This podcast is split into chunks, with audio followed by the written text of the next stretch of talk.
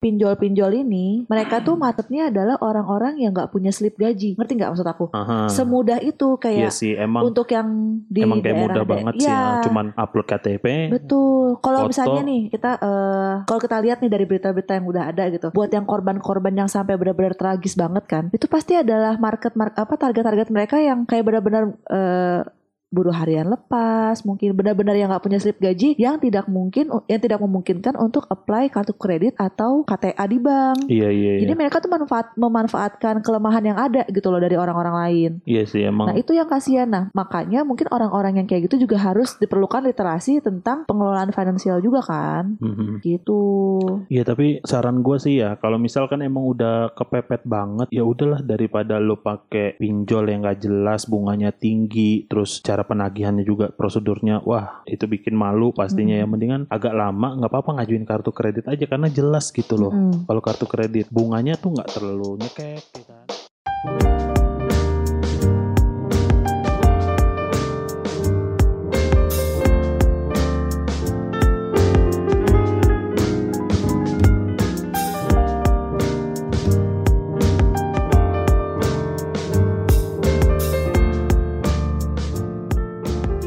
Selamat datang kembali di podcast berdua bersama gue Treza Levian. Dan gue Stefani Triwijaya. Biasa aja dong, nggak usah pakai geleng-geleng gitu. Iya, Kayak orang semangat. India kamu. Biar semangat ya. Biar semangat. Biar kalau sepulang kerja kita bikin podcast, eh, moodnya bagus, jadinya nggak ngantuk ya kan. Enggak ngantuk. Padahal kan kalau pulang kerja tuh capek banget, pengen cepet-cepet goleran gak sih? Goleran. Itu bahasa mana sih? Rebahan. Rebahan ya? Goleran itu bahasa mana sih? Enggak tahu. Bahasa sehari-hari aja. Bahasa sehari-hari aja ya. Kalau di rumah aku dibilangnya plesetan tau gak? Plesetan aku tuh baru tahu plesetan itu setelah aku ada di keluarga kamu gitu. Sebelumnya aku nggak pernah tahu tuh plesetan apaan sih plesetan. Papa sering kan kayak gitu. Oh, itu papa bahasa Jawa plesetan. kali ya plesetan. Gak tahu, tapi aku mendengarnya dari papa dan mama plesetan. Mama mau plesetan dulu neng. Iya aku baru bener-bener baru tahu plesetan itu rebahan tidur tidur ayam itu tuh Uh-uh. baru pas aku di keluarga kamu sebelumnya aku nggak tahu tuh plesetan tuh ya plesetan tuh kayak ngomongin sesuatu diplesetin tuh Oh plesetan. iya benar juga. iya kan Iya benar benar benar. eh aku barusan nih baca berita di Instagram Berita apaan tuh? jadi ada netizen nih dia upload cuma beli apa namanya bentar ya aku ngecas laptop dulu biar kita tidak mati tuh Aman? Oke. Oke, jadi aku baru buka berita di Instagram. Cuma Uh-uh. beli dua mangkuk nasi di hotel. Pria ini bayar 198.000 ribu. Buset. Tapi emang hotelnya juga di Marina Bay Sands ya, di Singapura. Iya tapi nasi dari terbuat dari apa 198 ribu? Berarti satu mangkoknya cepek ceng dong. Iya ya, Buset. 100 100 ribu hampir Satu 100 ribu ya. kan? Itu Bisa udah beli satu sama kilo. Eh, satu, satu. service. Iya tapi kan taruh lah dia bisa beli satu karung goni. Sa- Bisa 5 kilo aja di sini 64 ribu tuh di Giant. Oh iya lupa.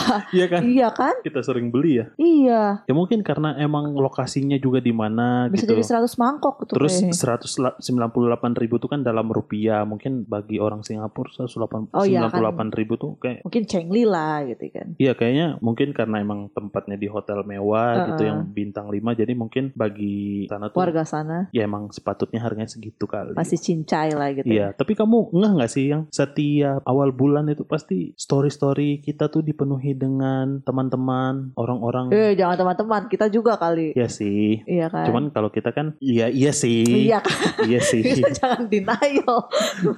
Iya, iya, tapi Pokoknya warga lokal, eh warga citizen, citizen. citizen. Ya pokoknya banyak kalau misalnya awal bulan tuh pasti postingan tuh makan-makan fancy ya kan. Iya iya. Dari mulai tanggal 25 sampai dengan tanggal 10 tuh masih ada lah di tanggal 1 sampai 10 tuh masih ada tuh yang posting-posting fancy-fancy gitu, makan-makan fancy. Oke. Termasuk kita nih. Heeh. Cuman kadang-kadang kita di akhir bulan juga kita emang ada rutinitas buat nyari makan enak juga kan kadang-kadang. Itu kan demi konten. Demi konten karena kita Iya. emang buat sedang iya mengumpulkan konten-konten untuk konten-konten. untuk hiburan gitu kan. Mm-mm. Nah, di 10 sampai tanggal 25 berikutnya saya pinjol tuh atau kartu Aduh amit-amit. Iya sih, iya sih. Itu itu itu benar-benar adalah tabiat citizen, warga lokal, ya nggak sih? Nggak semuanya Nggak sih, semua, cuman emang beberapa oknum. Iya, emang emang apa ya? Pinjol ini tuh bisa dibilang gila ya langsung ya kita langsung bahas pinjol ya.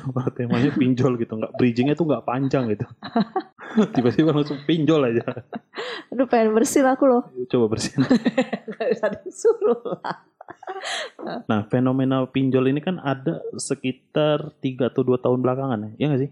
Aku ngehnya itu. heeh. Iya nggak sih? Iya. Eh, karena yang bikin susah ini, yang bikin bahaya itu adalah pinjaman online yang ilegal. Iya. Walaupun yang resmi pun itu bunganya, Bunganya gede tinggi juga. banget iya, kan. betul, betul. Dan itu kalau misalkan nggak bayar tuh emang parah Mencek- banget gitu. mencekek. Cara nagihnya tuh parah banget, Oh. nggak pakai otak gitu. Pinjol ini sama dengan pay letter nggak sih? Atau beda? Atau sama? Atau sama Mungkin tapi beda? Konsepnya sama, sama-sama financial digital kan. Heeh. Mungkin tapi uh, platformnya aja beda-beda. Oh. Kalau pay letter ini mungkin kerjasama sama satu Yang udah nempel bawaan Ah, jadi iya, fasilitas, fasilitas. gitu ya. Tapi mereka juga sebenarnya ada juga mungkin pinjaman online yang Hmm. langsung tanpa dari Mm-mm. suatu platform gitu. Emang dia bener-bener di dianya kayak misalkan, eh tapi enggak sih kalau misalkan kayak GoPay Letter itu Jadi fasilitas kan? fasilitas ya. Kita nggak ada bisa minjam uang di GoPay Letter dengan aplikasi GoPay Letternya nggak ada kan? Kan kalau di pay letter itu kita harus belanja dulu, baru saldo kita kepotong gitu nggak? Mm-mm. Tapi kalau pinjaman online, kita dapat saldo dulu buat kita belanjain. Jadi kayak kebalik gitu nggak sih? Logika berpikirnya, ya nggak sih? sama aja kan. Sama. Cuman kalau misalkan yang pay letter itu dia emang udah saat di satu platform dan fungsinya tuh ya cuman kayak kayak di GoFood ada GoPay letter ya untuk beli Beli makan, makan. doang Oh, gitu oke, kan. oke, Kalau misalkan di pinjaman online kan kamu pakai uangnya untuk kebutuhannya beda-beda kan. Tapi bisa ditarik juga kan? Dia kayak KTA dong. Kayak KTA ya,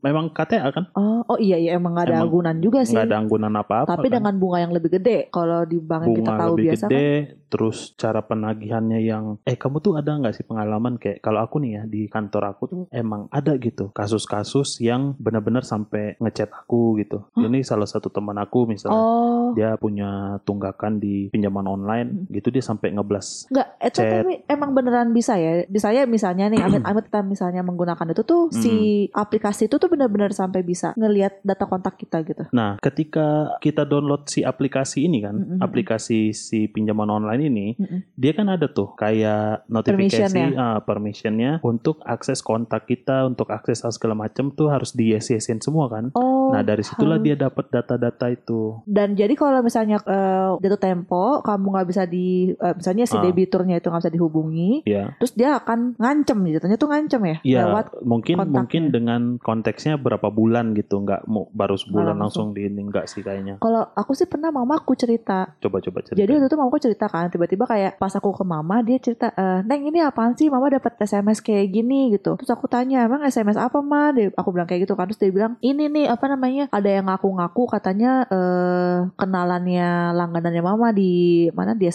kantin gitu kan. Terus Terus habis itu pas aku baca-baca cerita, pas aku baca chatnya ternyata itu adalah eh, seseorang yang bilang ke random semua kontaknya. Jadi tuh mhm, di dalam chatnya itu tuh dia ngomong infonya gini, tolong dong kasih tahu si Anu gitu untuk ngelunasin kewajiban dia sek- sekian sekian sekian di sini. Kalau enggak saya akan begini-begini gitu. Jadi tuh dia benar-benar sistemnya itu nge-broadcast ya, broadcast eh, message yang sifatnya adalah untuk memberikan peringatan untuk si yang ngutang. iya. Yang itu jadi adalah te- eh, kenalannya mamaku gitu kan. Jadi mamaku kan kaget kan. Mama bilang katanya, mama nggak pernah ngutang, nggak pernah ada apa-apa. Orang handphonenya mamaku tahu sendiri aplikasinya apa kan. Terus kayak dia marketplace aja bahkan nggak ada gitu kan. Terus tiba-tiba dia ngomong kayak gitu. Aku kaget juga takutnya kan dia ada salah-salah pencet gitu kan. Eh, ternyata pas aku baca chatnya adalah ya itu si kontaknya si eh, langganannya mama itu yang bermasalah. Kan serem juga kalau kayak gitu Iya, ya. jadi konsepnya itu dia tuh kayaknya ya, kayaknya nih dari pengalaman aku dapet chat-chat ini kan aku soalnya di kantor tuh beberapa kali dapet chatnya tuh dari beberapa orang temen aku ya, ada tiga atau empat orang gitu yang yang punya masalah, terus aku dapat chatnya gitu. Mm-mm. Nah itu chatnya itu kayaknya dia ngechatin orang-orang yang terakhir berhubungan sama si orang itu di room chatnya Oh. WhatsApp atau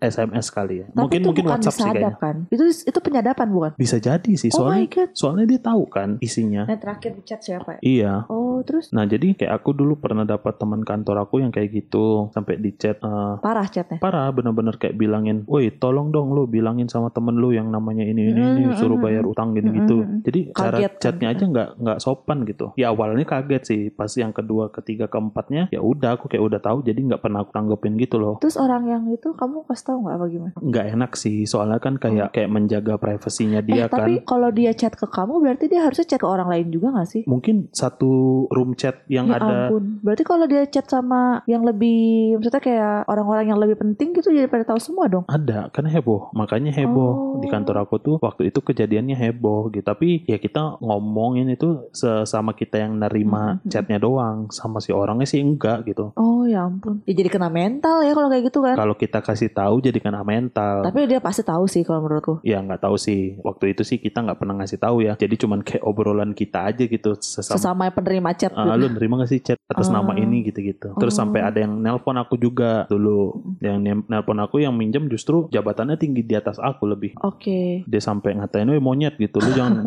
jangan jangan ngumpet-ngumpetin temen lu gitu. Temen gua Oh. siapa?" gitu. Terus dia kasih tahu namanya. Lu tiba-tiba marah aja lu goblok gituin aja. Saking keselnya kan orang tiba-tiba Iya, iya. ditelepon kayak gitu Heeh. ngata-ngatain kan gila ya. Ya kita kaget lah jadinya ya kan. Prosedurnya aja tuh udah salah banget ngubunginnya kayak gitu. Iya makanya kan kalau dipikir-pikir kan pantesan aja banyak banget yang terjerat kayak gitu kan. Terus Mhm. kayak akhirnya kayak mengakhiri hidupnya lah. Iya ada kan yang kayak Banyak loh. yang kayak kemarin dia mau hampir bunuh diri itu dia minjem cuma 2 juta totalnya jadi 200 berapa juta iya, gitu karena bunga-bunganya tuh jadi kayak lebih gede gitu. Iya, Aku itu sih nggak paham sih hitung-hitungannya ya kan. itu karena ilegal pasti Jadi yang dia- ilegal karena gitu. dia ilegal jadi dia kayak bisa getok harga gitu. ketok harga ya nggak tahu sih perhitungan dia kayak gimana aku nggak pernah tahu yang aku tahu nih ya kalau misalkan kalian lihat iklan di YouTube. internet di Aku sering YouTube banget dapat iklan itu di YouTube. Iya pokoknya iklan di mana pun ya Hah. tentang pinjol kalau misalkan dia bunga cuma satu sekian persen itu bunga per hari coy bukan bunga per Tahun karena beda ya kan. beda dan itu tuh ngejebak banget kalau misalkan lu telat bayar amit-amit gitu lo memang pinjol mendingan hindarin deh pinjol Makanya. kalau aku pribadi free fair kalau misalkan emang urgent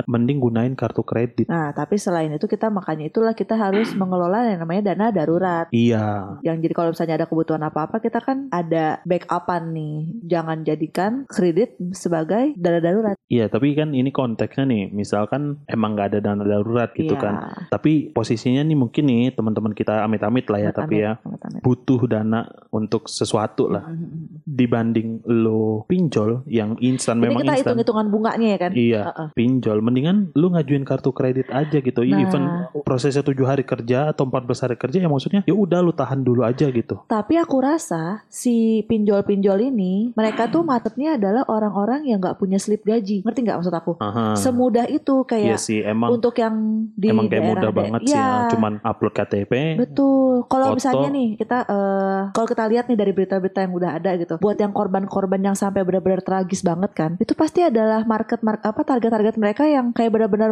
eh, buruh harian lepas, mungkin benar-benar yang nggak punya slip gaji, yang tidak mungkin, yang tidak memungkinkan untuk apply kartu kredit atau KTA di bank. Iya iya Jadi iya. mereka tuh manfaat, memanfaatkan kelemahan yang ada gitu loh dari orang-orang lain. Iya sih emang. Nah itu yang kasihan. Nah makanya mungkin orang-orang yang kayak gitu juga harus diperlukan literasi tentang pengelolaan finansial juga kan. Mhm. Gitu. Iya tapi saran gue sih ya kalau misalkan emang udah kepepet banget ya udahlah daripada lo pakai pinjol yang gak jelas bunganya tinggi terus cara penagihannya juga prosedurnya wah itu bikin malu pastinya ya Mhm. mendingan agak lama nggak apa-apa ngajuin kartu kredit aja karena jelas gitu loh Mm. kalau kartu kredit bunganya tuh nggak terlalu nyekek ya kan Mm-mm. kalau misalkan butuh gitu tapi Dan kalau pasti bahkan kartu kredit juga banyak manfaat lainnya juga. iya pastinya Ya kan? belum ada rewardnya ya kan Belum ada reward potongan-potongan. terus ada diskon-diskon gitu kan. Diskon-diskon. Nah, jadi emang lebih prefer sih mendingan ya kalau emang butuh banget ya Iya. kartu kredit sih daripada pinjol. Ya lu nunggu seminggu dua minggu lah ya proses Iya. pengajuannya gitu daripada lu instan tapi nanti di kemudian hari malah dikejar-kejar kayak Karena teman aku kan. Apa eh, apa itu namanya? Eh, kolektif ya. Apa sih kalau debt collector tuh namanya apa sih dia? Debt apa penagihan. Eh, penagihan. Mhm. Nah kan kalau penagihan itu juga sebenarnya dia ada tata caranya ya kan. Ada dong. Nah tapi kalau karena si pinjol ini dia ilegal, mungkin dia nggak ngikutin tata cara yang Betul. seharusnya dari. Apalagi kalau kamu lihat kayak yang viral-viral di Instagram, di TikTok yang mereka nelpon nasabah, Hmm. ada nggak kamu pernah lihat? Kayaknya dulu pernah lewat sekilas deh. Kayak yang ngata-ngatain, "Wih, goblok lu, Ah, balikin lu anjing gitu-gitu Ya, sampai kayak gitu kan." gitu-gitu.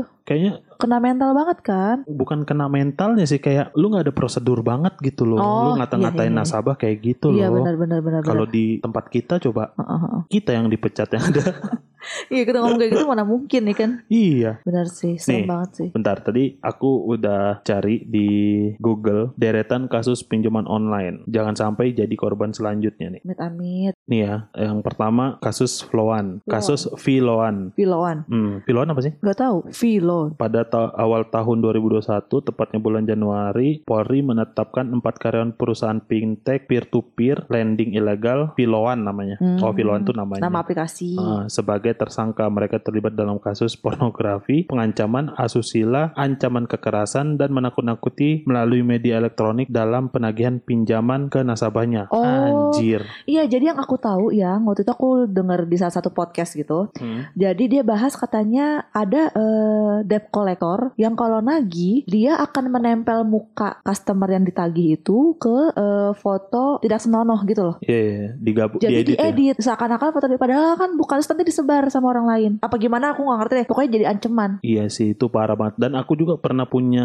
kasus temen aku nih ya Mm-mm. teman kantor bukan teman sih maksudnya kayak aku Kenalan. kenal doang Uh-uh. gitu di kantor terus kebetulan mungkin aku pernah chat-chatan sama dia jadi aku dapat chatnya juga Mm-mm. jadi dia itu ngirimin eh, chat berisi chatnya si debiturnya itu teman aku itu Hmm. sama orang lain Mm-mm. ngomongin masalah-masalah seks gitu Oh, nih lihat nih nih, temen lu nih kayak gini kayak omongannya. gini omongannya sama orang tuh sama banyak lelaki kebetulan temen aku tuh cewek kan terus aku kayak nggak yakin gitu sih kayak ah masa sih sedangkan nih temen gue tuh orangnya pendiam cakep gitu. Eh, nggak neko-neko kenapa dia bisa kayak gitu gitu sampai ngomong-ngomong masalah seks gitulah ke, ke laki-laki banyak laki-laki gitu jadi mungkin ya emang sindikat ini kali ya jadi Iya. kayak mengancamnya dengan cara-cara kayak Iya, gitu ya uh-uh. belum tentu benar juga kan Benar, benar, benar. ini kalau aku nggak baca ini aku sampai tahu. sekarang Suzon jadi. ya suzon jadinya kan ini kampret juga gila bangsat bangsat Jahat banget ya kan? jahat banget Oke, next. Nah, terus sopir taksi bunuh diri. Aduh. Februari astagfirullah. 2019, seorang sopir taksi ditemukan tewas gantung diri di sebuah kamar indekos karena terjerat pinjaman online. Sebab dalam itu suratnya pria kelahiran Padang 1984 itu menuliskan bahwa ia sedang terlilit utang dan dikejar-kejar oleh rentenir online. Bunyi suratnya, wahai para rentenir online, kita ketemu nanti di alam sana. Tulis korban, waduh serem ya. Ya Allah. Iya sih mungkin Nih, saking mudahnya itu pinjaman online, kayak kamu daftar langsung cair, kamu daftar langsung cair. Jadi banyak orang yang udah terjerat satu, untuk nutupin yang ini, dia buka lagi akun yang lainnya. iya iya. Gitu aja terus kan, sampai beranak pinak. Hmm. Nah itu yang bikin jadi gede, ya nggak sih? Yang padahal awalnya minjem cuma berapa juta, tiba-tiba jadi 2M misalnya. Kan ngeri kalau kayak gitu kan. Karena dia nutup gali lubang, itu yang namanya pepatah orang dulu zaman dulu. Tutup lubang, gali gali lubang, lubang. tutup lubang. Serem kan? Ya amit-amit ya Serem Allah. sih ini. Aduh. Jauhkan. Jangan sampai lah ya. Terus ada yang ketiga nih, percobaan bunuh diri ibu rumah tangga. Seorang perempuan bersini, berinisial L nekat menenggak minyak tanah untuk mencoba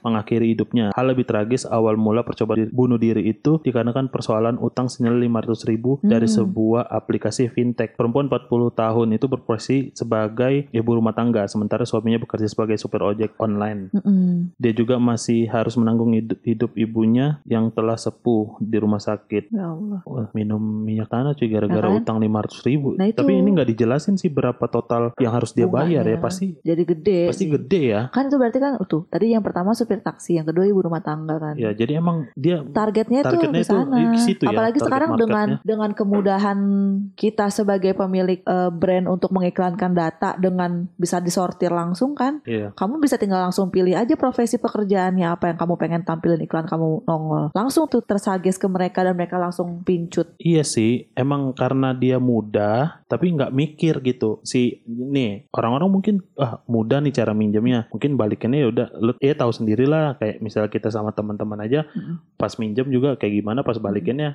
kayak gimana kan? Ya mungkin disamain kali, tapi Dia beda nggak tahu ada konteks. bunga yang berjalan di Mm, situ. nggak tahu ada rentet nggak ada nggak tahu ada kolektornya Betul. gitu-gitu kan dan wah amit-amit sih ya makanya Hmm. udah deh kalau misalnya emang butuh duit banget untuk sesuatu yang penting banget ya udah kartu kredit aja gitu tapi kalau misalnya nggak penting-penting banget ntar aja lah nunggu Eh, gajian Ada lagi Ya kan? pegadaian. pegadaian kenapa oh iya ada apa, apa pegadaian yang apa yang aku bilang menyelesaikan masalah tanpa masalah. Eh apa sih? Ma- iya menyelesaikan itulah ya. masalah tanpa masalah benar Nah, pegadaian juga ya Pegadaian juga. bunganya eh, kita baca-baca waktu itu lumayan murah ya Iya kalau dibandingin sama itu masih cengli lah maksudnya. Ah, betul dua betul itu betul lah, itu ya kan? pegadaian ya betul. Mendingan Kayaknya- itu ya kan? Ya mungkin kan Ya, kalau tapi ada misalnya jaminannya. Iya, nah ibu-ibu nih kalau misalnya dapat eh, bonus dari suaminya, mungkin dibeliin ke perhiasan kan, terus besok-besok lagi butuh uangnya, terus dana darurat yang gak cukup, Pegadaian. bisa ke pegadaian untuk dijamin sementara, ya Betul, kan? betul. Daripada dia harus lari ke pinjaman online. Wah, parah sih ini pinjaman online nih sampai kasusnya kayak gini-gini nih. Dipecat dipecat dari pekerjaan. S dipecat dari pekerjaannya karena pihak pinjaman online Mm-mm. menagih pinja- pinjaman kepada atasannya. Dia akhirnya terpaksa mengundurkan diri dari pekerjaannya melalui karena malu sebab pihak pinjaman online menagih pinjaman kepada rekan sekantor. Nah ini sama kayak yang kasus di Banyak kantor aku. di beberapa kantor, benar. Iya nih emang aduh. Tapi sebenarnya di beberapa kantor sih, juga bangsat banget. sih, ada sumpah. BI checking juga kan untuk karyawan basuk. Ada ada. Har- Biasanya ya ada BI checking, Kalau di kantor aku ada. ya kan? Mm. Ditalak cerai suami. Wah. Berarti dia ngutang nggak bilang suami ini. Seorang wanita berinisial VA ditalak cerai suami karena pihak pinjaman online menagih pinjamannya pada mertuanya. Astagfirullahaladzim. ini ada kok agak kocak sih ini. Cuman emang bangsat pinjaman online ini emang bangsat emang. Aku kalau ngedenger kasus-kasus ini kasihan loh gila dia. Aduh karma banget loh karma. Iya, kemarin ada yang rame Apa tuh? yang digerebek kantornya. Yang Oh iya Lake, yang di Green. Lake ya dekat Ah, rumah kita ini. Iya Ya, tuh itu tahu juga. tuh. Itu ilegal ya? Itu ilegal. Iya, mampus, biar mampus. Terus yang terakhir nih, pelecehan seksual. Tak sedikit juga korban fintech yang melapor karena masalah pelecehan seksual yang dilakukan manajemen fintech. Ada korban yang melapor bahwa pinjaman diminta menarik telanjang Hah? Agar pinjamannya bisa lunas. Apabila tidak teliti dalam memilih layanan pinjaman online, bisa-bisa nasabah malah terjerat utang. Aku baru tahu yang itu sih. Waduh, Itu. ini oknum deh kayaknya bukan bukan prosedur dari Eh, tapi kalau misalnya kantornya ilegal, siapa tahu kan? Iya tapi kalau prosedurnya kayak gitu gila yang ada, gila emang fintechnya. Ininya tuh emang bangsat emang aku dari tadi ngomong bangsat mulu ya kesel banget dengernya. Ya, tapi emang iya sih kejem sih mereka sih. Iya, aduh, Mereka bukan lintah darat lagi tau ya, vakum cleaner. ya kan kalau lintah darat kan cuman nyedot. nyedotnya cuma segitu Dikit doang ya. kan. Kalau cleaner kan Oh iya. Wow, filosofi yang wow sekali, Fani. itu keterlaluan loh dia. Iya sih bangsat banget sih. Aduh, aku ngomongnya kasar mulu. Astagfirullahaladzim. Ya tapi berkali-kali nih ya gue bilangin buat para pendengar podcast berdua nih ya. Kalau lo benar-benar butuh, butuh, butuh, butuh, butuh, butuh, butuh, butuh banget. Mentok. mentok untuk sesuatu sesuatu yang penting ini yang benar-benar nggak bisa ditoleransi lagi nih Hmm. kebutuhannya nih udah ngajuin ke tu- kartu kredit 7 sampai 14 hari ajuin di beberapa bank lah terserah di mall-mall lu ke mall tuh banyak tuh yang nawar-nawarin kartu kredit ke super supermarket Hmm. juga banyak yang nawar kartu kredit minta cepet sama marketingnya bisa request karena gue kerja di bank jadi gue tahu Hmm. mendingan lu pakai itu satu minggu 14 hari lebih lama itu lebih baik daripada lu minjem di hari yang sama tapi nanti di kemudian hari lu susah Ya. Iya nggak sih Hmm. tapi kalau misalkan emang bisa di spend dulu nih kebutuhannya Ya. mendingan tahan dulu sampai lu gajian apalagi yang sifatnya konsumtif dan keinginan tuh bukan kebutuhan Ah, mending jauh-jauhin dulu lah ya. kurang-kurangin dulu gaya-gayaan karena Gak ada habisnya. karena nggak nggak ada habisnya dan pinjol itu bahaya banget Nah. ya kan Mm-mm. Ingat kata Tung Desemuaringin, gaya itu berbanding lurus dengan tekanan. Semakin banyak gaya kamu, maka semakin besar juga tekanan yang kamu dapatkan. Iya kan? Iya. Iya kan? Jadi udah cukup kalau misalnya gaji lu UMR, gayalah secukupnya. Udah nggak usah pinjam-pinjam online. Iya benar-benar. Ya kan? Bila perlu nggak usah pakai kartu kredit. Tapi kalau misalkan emang Dana urgent, darurat, makanya dana ah, darurat. Ayo dana darurat. ya kita juga yang dana darurat kita harus Iya diperbesar dong. nih tiap bulan. Iya dong. Biar kita tidak terjerat utang. Amit amit. ya Amit, amit, amit, amit amit amit amit. Ya udahlah, sekian dulu podcast kita hari ini ya. Episode Untuk kali ini bahas-bahas pinjaman online ya. yang penuh dengan emosi dan amarah Iya. bulana ya Kalau kan. ngeliat kasusnya sih ya gila-gila sih. Iya. Geli-geli banget tuh. Nggak geli sih Kasian. apa? Kesel, Kesel sih. ya kan? Mm-mm. Ya jangan lupa untuk follow gua @rezalevian ada di Instagram, TikTok dan Twitter. Aku juga ada di Instagram di @stefanitriwijaya. Dan jangan lupa untuk mampir ke channel YouTube gua ada di Treza Levian. Oke, Gua Treza Levian. gue Stefani. Bye. Ciao.